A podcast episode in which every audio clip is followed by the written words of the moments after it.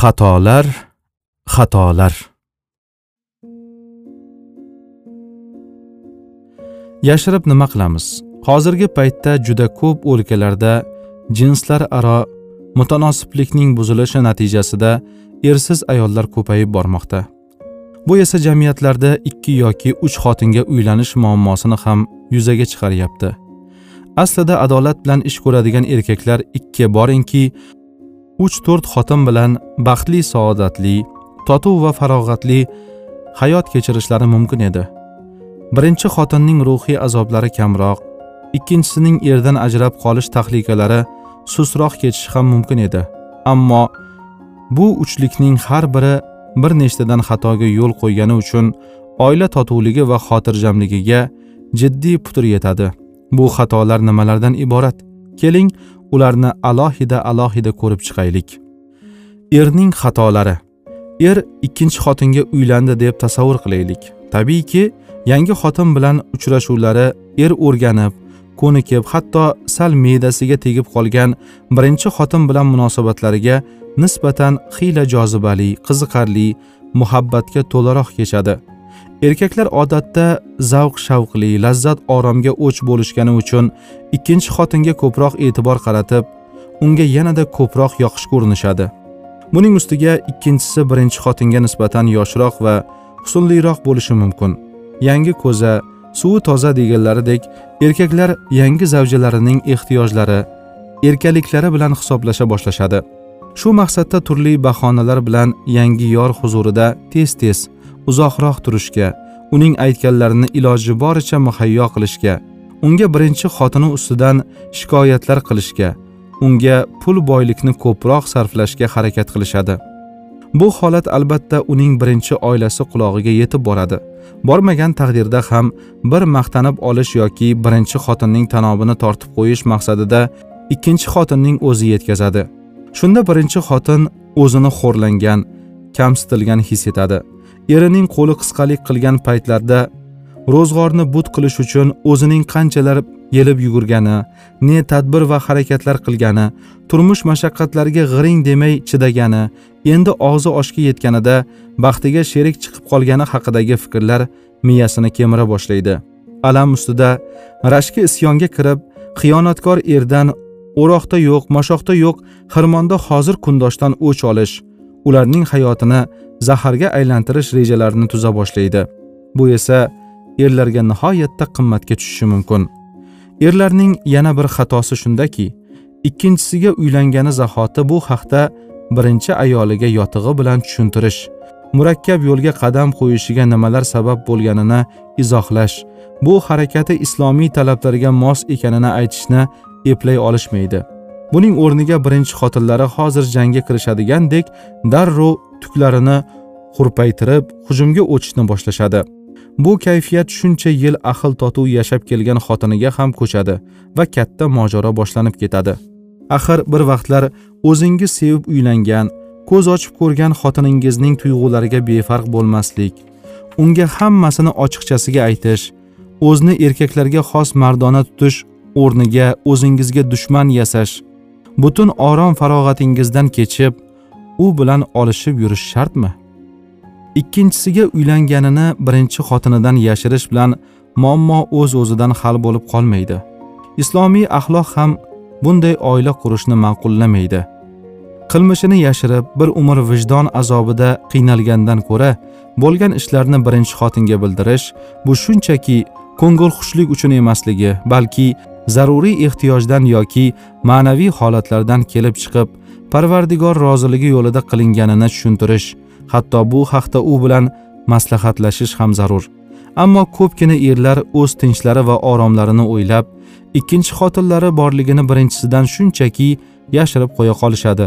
Buni qanchalar qimmatga tushishi orada qanchalar yolg'onlar urchishi sirlar fosh bo'lganidagi ko'rguliklar haqida gapirmay ham qo'ya qolaylik.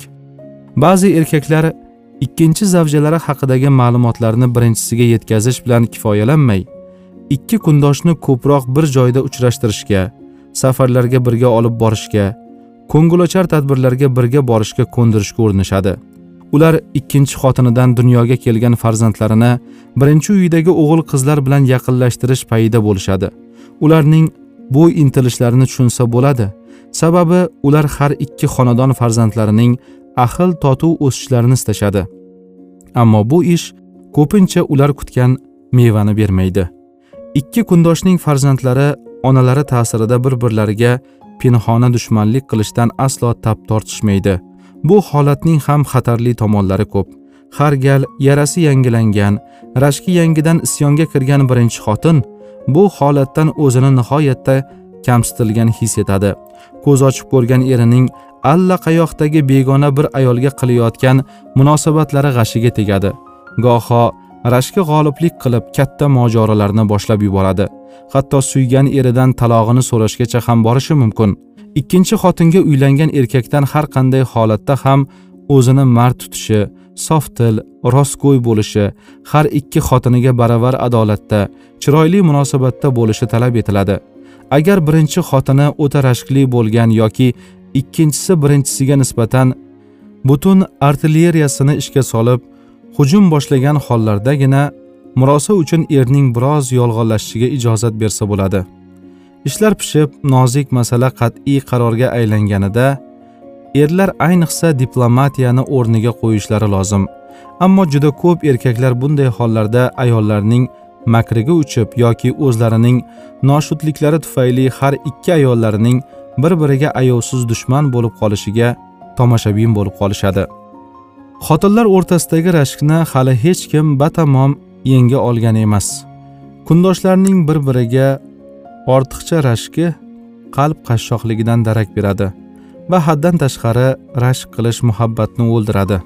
Oqil erkaklar ikki xotin o'rtasidagi rashkning olovlanib alangasi uncha buncha odamni kuydiradigan holga borishiga yo'l qo'ymasliklari lozim. Ular xotinlaridagi o'rinsiz rashk balosini pasaytirish uchun islom dinining ma'naviy axloqiy tamoyillarini qur'oni karim va sunnati nabaviyada kelgan qadriyat va axloqiy nizomlarni xotinlariga tushuntirishlari ularni tarbiyalashda bu usullardan oqilona foydalanishlari kerak bo'ladi. Ammo erkaklarimizning bu boradagi bilim va tajribalari yetarli bo'lmagani uchun ko'p hollarda ular ikki yoki uch xotinning o'zaro rashk urushi olovida yonishlariga to'g'ri keladi yoki o'zlari bilmagan holda ayollaridagi rashkning battar kuchayishiga sababchi bo'lishadi. Ko'pincha ikkinchisiga uylangan erlar birinchi xotinlarining hozirgacha sezilmagan kamchiliklarini ko'rib ularni bo'rttira boshlashadi. Qanday qilib shu paytgacha mana shu epsiz befarosat lapashang ayol bilan yashab yurganiga hayronman ko'r ekanman. Xotin degani mana bunaqa bo'larkanku degan fikrlarga borib ko'z ochib ko'rgan xotinini yo'q kamchiliklar bilan ayblay boshlaydi. Uning bu muomalasi albatta samarasiz ketmaydi. Birinchi xotin erning katta dushmaniga aylanadi. Xonadondagi bu adolatsizlikni ko'rib bolalar ham otadan uzoqlashishadi. Otalarining adolatsizlik qilganidan ranjib onalari yoniga kirishadi. Uni himoya qilishga o'tishadi. Bu katta armiya qarshisida yakkalanib qolgan er ikkinchisinikidan panoh topishga harakat qiladi va oqibatda mustahkam oila totuvligi chok chokidan so'kilib ketadi. Shuning uchun erlar ana shu noto'g'ri holatlarning rivojlanishiga yo'l qo'ymay birinchisi bilan munosabatlarni biror daqiqa ham yomonlashuviga yo'l qo'ymasliklari bunda g'ururga ketmay biroz yon berish tadorigini ko'rishlari lozim. Erning xatolaridan yana biri har ikki oilada teng huquqlilik adolat ruhiy muhit o'rnatishga e'tiborsizlikdir. Er har qancha adolatli bo'laman degani bilan har ikki xotinga baravar odillik bilan munosabatda bo'lishga yaramaydi. Qur'oni karimda ham agar adolat qila olmaslikdan qo'rqsangiz bittani oling. Har qancha intilsangiz ham xotinlar o'rtasida hargiz adolatli bo'la olmassizlar kabi oyatlar kelgan. Bu haqda mashhur bir latifa esga keladi. Ikki xotinli erning zavjalari xuddi atay qilgandek bir kunda vafot etibdi. Er ular o'rtasida adolat qilaman deb bir xil dafn marosimi uyushtiribdi. Ikki tobutni bir eshikdan baravariga olib chiqishning iloji yo'qligidan yangi eshik ham qurdiribdi. Erining tushiga birinchi xotini kirib siz adolat qilmadingiz. Meni eski eshikdan narigi xotiningizni esa yangi eshikdan chiqardingiz debdi. Demak to'liq adolat qilishning iloji yo'q ekan. Hech bo'lmaganda umumiy holatlarda ularni teng tutish baravar yaxshi muomala qilish ularni bir biriga yomonlash o'rniga ahil dugonalarga aylantirish erning eng muhim vazifasidir. Er xotinlarning hammasini baravar tutishi birini ikkinchisidan ustun yoki afzal ko'rmasligi hatto biri kasal yoki uzrli bo'lganida ham uning navbatini inkor qilmasligi kerak. Lekin juda ko'p erkaklar xuddi mana shu masalada oqsab qolishadi. Hatto ayrimlari suygan taomini tayyorlatish kir chirini yuvdirish kiyimini dazmollatish bozor o'char kabi barcha ro'zg'or tashvishlarini birinchi xotinning zimmasiga yuklab qo'ygani holda ikkinchisi bilan turli ko'ngilxushliklar bazm va marosimlarga birga borish birgalikda hordiq chiqarish sayohatlarga borish kabi ikkinchi darajali ishlar uchun jalb qilishadi. Bu ham g'irt adolatsizlikning o'zginasidir. Erkaklarning bu boradagi xatolaridan yana biri ularning ikkinchi xotinga uylanish bilanoq birinchi xotinlarining haq huquqlarini buzilishlari oldingi oilalariga farzandlariga mutlaqo e'tibor qilmay qo'yishlaridir. Ba'zan esa birinchi xotini zo'r chiqib erini uyga qaytarishga muyassar bo'lsa endi erkak ikkinchi xotinini o'z holiga tashlab mutlaqo xabar olmay qo'yadi. Natijada goh birinchi xotin goh ikkinchisidan masjid imomlariga mahalla fuqarolar yig'inlariga huquqni muhofaza qilish organlariga shikoyatlar yog'ila boshlaydi. Bunday qahramonlar shariat berib qo'ygan ruxsatdan foydalanib qolishga juda ishqiboz bo'lishadi-yu, ammo shariatning bu boradagi ko'rsatmalarini bajarishga unchalik bosh qotirishmaydi. Oqibatda ish shunaqangi chalkashib ketadiki, ba'zi erkaklar gap so'z ko'payib ketishi va mojarolar chiqishidan qo'rqib, hatto ikkinchi xotinni nikohlab olishdan, shu tariqa halol turmush qurishdan ham qochishga urinadilar. ularning bu qilmishi esa begona ayol bilan zino qilishdan boshqa narsa emas ikkinchi xotinga uylangan erkaklar ko'pincha nafaqa borasida ham ayollarni baravar tutishmaydi. Birinchi xotinga qimmatroq kiyim yoki jihoz olib berishsa ikkinchisiga arzonrog'i xarid qilinadi yoxud aksincha bo'ladi. Xotinlarning biriga besh ming so'mlik ko'ylak xarid qilinsa ikkinchisiga ham shuncha so'mlik ko'ylak olib berish kerak. Agar bir xili topilmasa yetmay qolgan pul ayolning qo'liga beriladi.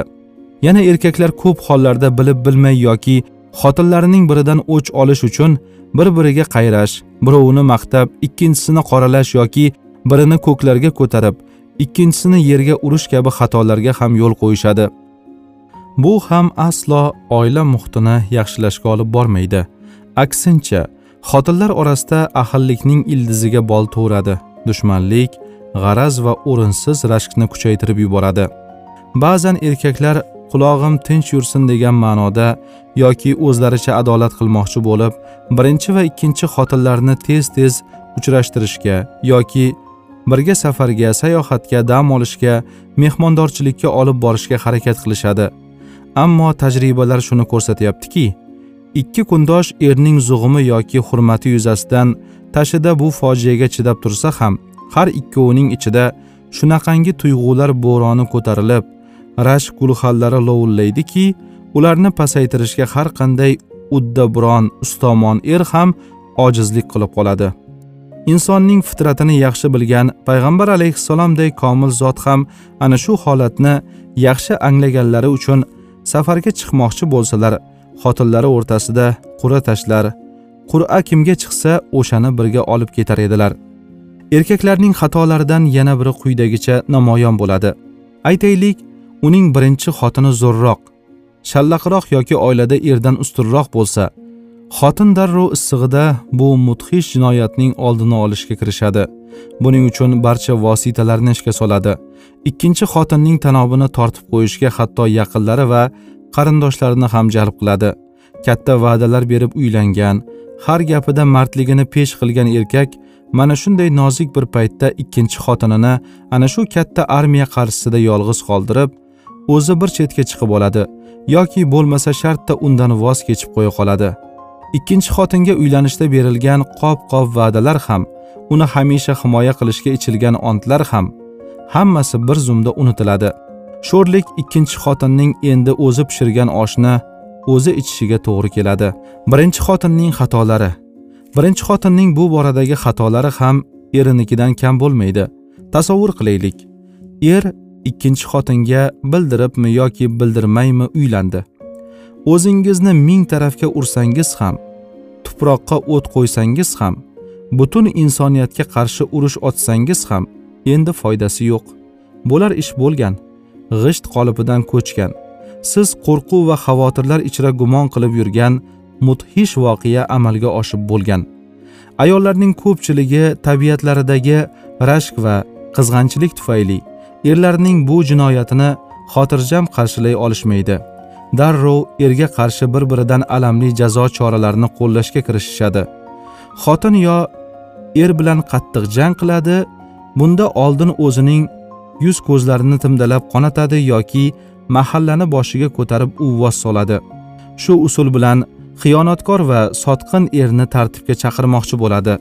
Bu narsa ko'ngildagidek foyda bermasa endi unga ta'sir ko'rsatishning boshqa choralari qo'llanadi.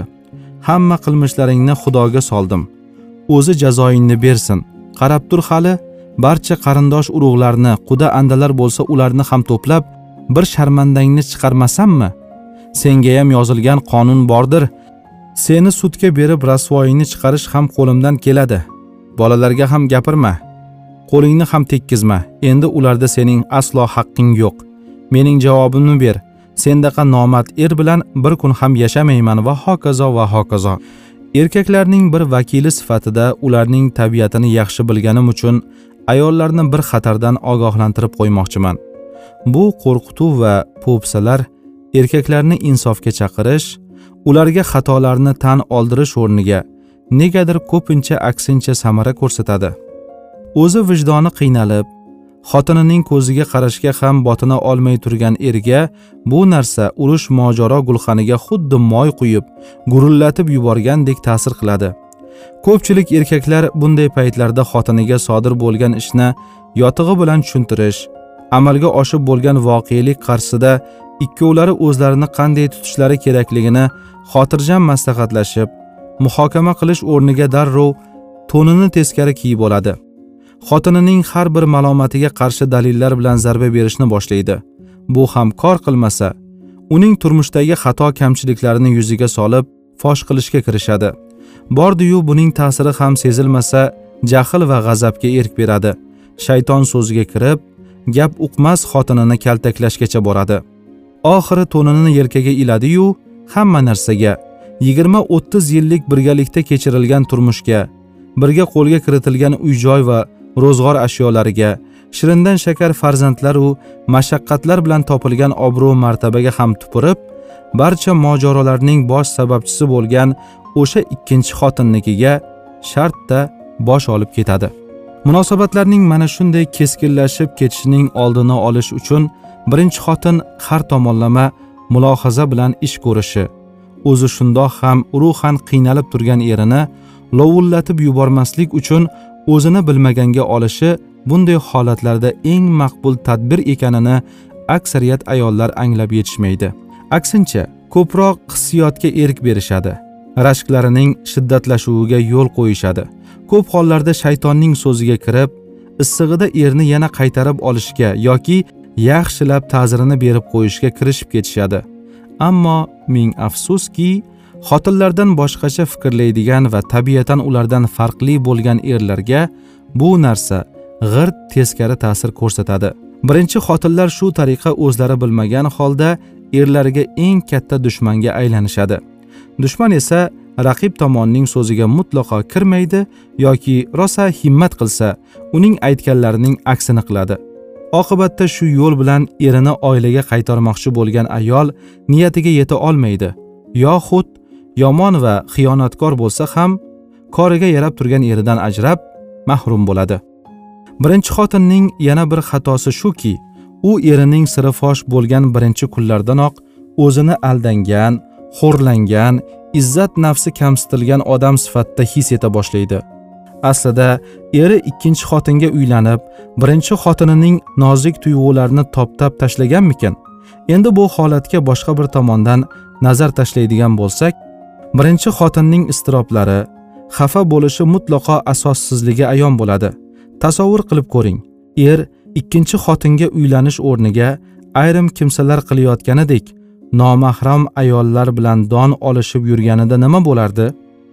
Unda xotinning his tuyg'ulari toptalmasmidi?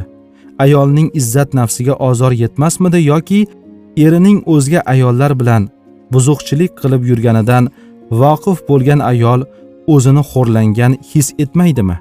Aslida xo'rlikning eng kattasi shu emasmi?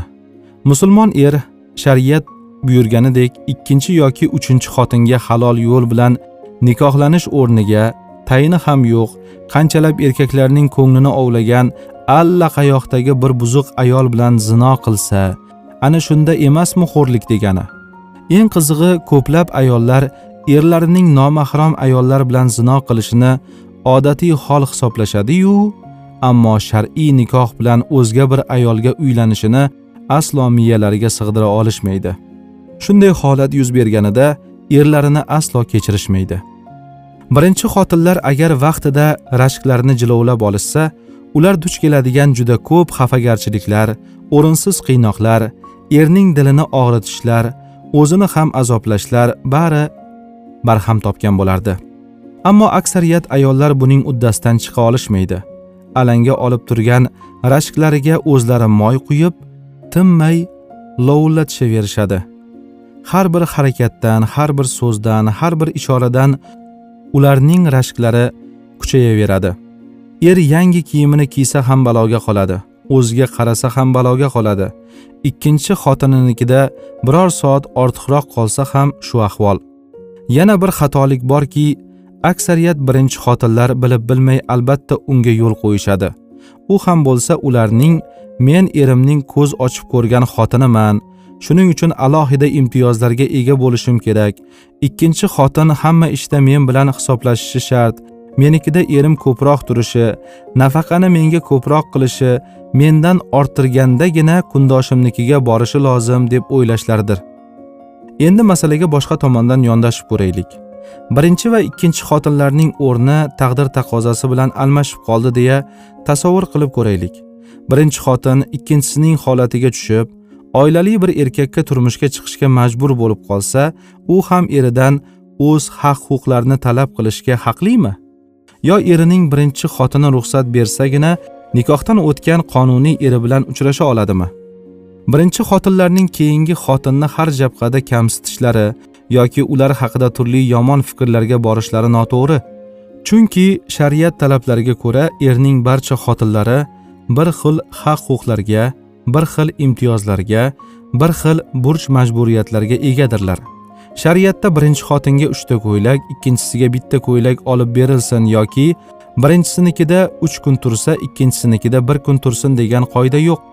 Yoki ayrim ayollar o'ylaganidek erga xizmat qilishda ham birining biridan ustunligi bo'lmasligi kerak. Biri faqat ro'zg'or ishlarini qilsin ikkinchisi taom tayyorlash va kir yuvishga mas'ul uchinchisi esa erning ko'nglini ovlash bilan shug'ullansin degan qoida ham yo'q. Demak oilaviy masalalarda barcha xotinlarning haqlari bir xil bo'ladi. Faqat ayrim istisno holatlarda vaziyatga o'zgartirish kiritish mumkin. Yosh jihatidan kichik ikkinchi xotin birinchi xotinning kattaligini inobatga olib uni hurmatlashi uning ayrim yumushlarida yordamlashishi mumkin. Ikkinchi xotinning xatolari. Keyingi xotinning ham turmush qurganidan keyin yo'l qo'yadigan juda ko'p xatolari borki ular ham asta sekin to'planib uning ming mashaqqat bilan erishgan baxtiga rahna solishi turmushini og'uga aylantirishi mumkin. Eng yomoni bu mashmashalardan toqati toq bo'lgan er u bilan ajrashishdan boshqa yo'l topa olmaydigan vaziyat yuzaga keladi. Keyingi xotinlarning jiddiy xatolaridan biri sifatida ularning o'rinsiz haq huquq talashishlarini keltirish mumkin. Eng qizig'i bu xatarli yo'lga qadam qo'ygan ayol bo'lajak erining avvalgi xotini borligini yaxshi biladi. Uning noniga sherik bo'layotganini ham to'la anglaydi. Dunyoda toq o'tgandan yoki bir bema'ni va axloqsiz erning xotini bo'lgandan ko'ra yaxshi bir insonga ikkinchi xotin bo'lish imkoniyatini ham uning o'zi tanlagan. Lekin boshida o'z baxtini qo'lga kiritish uchun hamma narsaga rozi bo'lib turgan ayol nikohdan so'ng darrov o'zgarib qoladi. Birinchi xotinning barcha haqlarini egallashni eri tomonidan unga qilinayotgan e'tiborning zudlik bilan o'ziga qaratilishini talab eta boshlaydi. Ish shunga borib yetadiki birinchi xotin biror joyga mehmondorchilikka taklif etilgan bo'lsa u ham boraman deya janjalni boshlaydi. Shuncha yil yashab endi birinchi xotiniga biror sovg'a hadya qilgan bo'lsa u menga ham olib berasiz deb to'polonni boshlaydi. Bunda u erining oldingi xotin bilan ko'p yillar birga yashaganini ham undan bir necha farzandlar ko'rganini ham yaxshi yomon kunlarida o'sha qari mochag'ar hamisha erining yonida hamdard hamdam bo'lganini ham inobatga olmaydi. Nima qilib bo'lsa-da o'zi tezroq erining ishonchini qozonsa uni o'ziga og'dirib olsa qalbini egallasa bo'ldi. Ammo bu o'rinsiz xatti harakatlar erini hushyor torttirib qo'ygani yetmay birinchi xotinning yangi kundoshiga qarshi yalpi urush ochishi bilan yakunlanadi. Ikkinchi uchinchi to'rtinchi xotinlarning xatolaridan yana biri erning birinchi xotinga e'tibori kuchliligidan xavfsirab uni har bir qadamidan xabardor bo'lishga urinaverishidir. Er ishda biroz ushlanib qolsa u darrov gumonga boradi. Hozir birinchi xotini bilan mazza qilib chaqchaqlashib o'tiribdimikin? Eri ulfatlari bilan choyxonada palovxo'rlik qilib o'tirgani ham ularda shubha uyg'otadi. Birinchi xotini va bolalarini olib tog' sayriga chiqib ketmadimikin yoki biror bog'da dam olishmayaptimikin? Nimagadir chalg'ib telefonni vaqtida olmadimi? Bunga ham taxmin tayyor. Xotini bilan birga bo'lsa kerakki hatto telefonni olgisi ham kelmayapti. Xullas bunday shubha va gumonlar ikkinchi xotinning o'zini adoyi tamom qilgani yetmagandek erini ham tezda ikkinchi yoridan sovutadi. Ishonchli va ishonuvchi birinchi xotini yana ko'ziga ardoqli ko'rinib ketadi. Har qadamini nazorat qilib turuvchi xotinning taqiblaridan qutulish yo'llarini axtara boshlaydi. Keyingi xotinlar yana bir masalada ko'p xato qilib erlaridan o'zlaridan sovib ketishlariga hatto taloq qilishlariga yo'l ochib berishadi. U ham bo'lsa ularning erni oldingi xotinidan sovutish ilojini qilolsa undan voz kechtirishga bo'lgan befoyda urinishlardir. Axir o'zingiz bir o'ylab ko'ring. Siz bir necha yillar ahil va totuvlikda bir birlariga muhabbatli yashagan er xotinning o'rtasiga yarim yo'lda qo'shilib kundoshingizning oshiga sherik bo'lgansiz. Mayli ollohning taqdiri ekan. Eringiz sizga uylanib baxtingizni to'kis qilishga bel bog'labdi. Endi nega siz uning baxtini kemtik qilishga urinasiz? Ko'z ochib ko'rgan xotinini kulga belab kosovga sanchasiz. Unga telefon qilib yolg'on yashiqlar bilan dilini xufton qilasiz. Rashkini qo'zg'ashga urinasiz. Sizga suyadigan er shirin turmush va ruhiy xotirjamlik kerakmi yoki har qadamda kundoshingizga hujum qilib uni va eringizni ranjitish kerakmi? Keyingi xotinlar yana bir narsada o'zlarini obro'larini yerga urib qo'yishadi. Ular erlarining nima yeyishi nima kiyishi masalasini ishxonasidagi muammolarni birinchi xotinning ishi deb hisoblashadi. Xuddi ataylab qilgandek deyarli barcha ikkinchi xotinlar mazali taom tayyorlab erning qorni orqali ko'ngliga yo'l topishni eplay olishmaydi. Yoki kiyimlarni yuvish dazmollash yirtig'ini yamash uzilgan tugmasini qadash kabi mayda chuyda narsalar bilan mutlaqo ishlari bo'lmaydi. Go'yo er ularnikiga faqat ko'ngilxushlik uchun keladigandek shu o'rinda mashhur bir latifa yodga tushadi. Bir yigitning har kuni juda po'rim holda oppoq ko'ylakda qirrali shimda ishga kela boshlaganini ko'rgan hamkasblari undan buning sababini so'rashibdi. U ikkinchi xotinga uylanganini uning shunaqangi shirin taomlar tayyorlashini hatto paypog'igacha dazmollab berishini aytib ulfatlarini qoyil qoldiribdi. Bir kuni bir yumush bilan uning uyiga yo'qlab borishsa o'zi kir yuvayotgan emish. Ha ikkinchi xotinni taloq qildingmi deb so'rashgan ekan yigit. Yo'q ikkinchi nikohdan keyin ikkala xotinim ovqat qilishni kir yuvishni sansolar qilaverganidan to'yib barini o'zim qilyapman deb javob beribdi.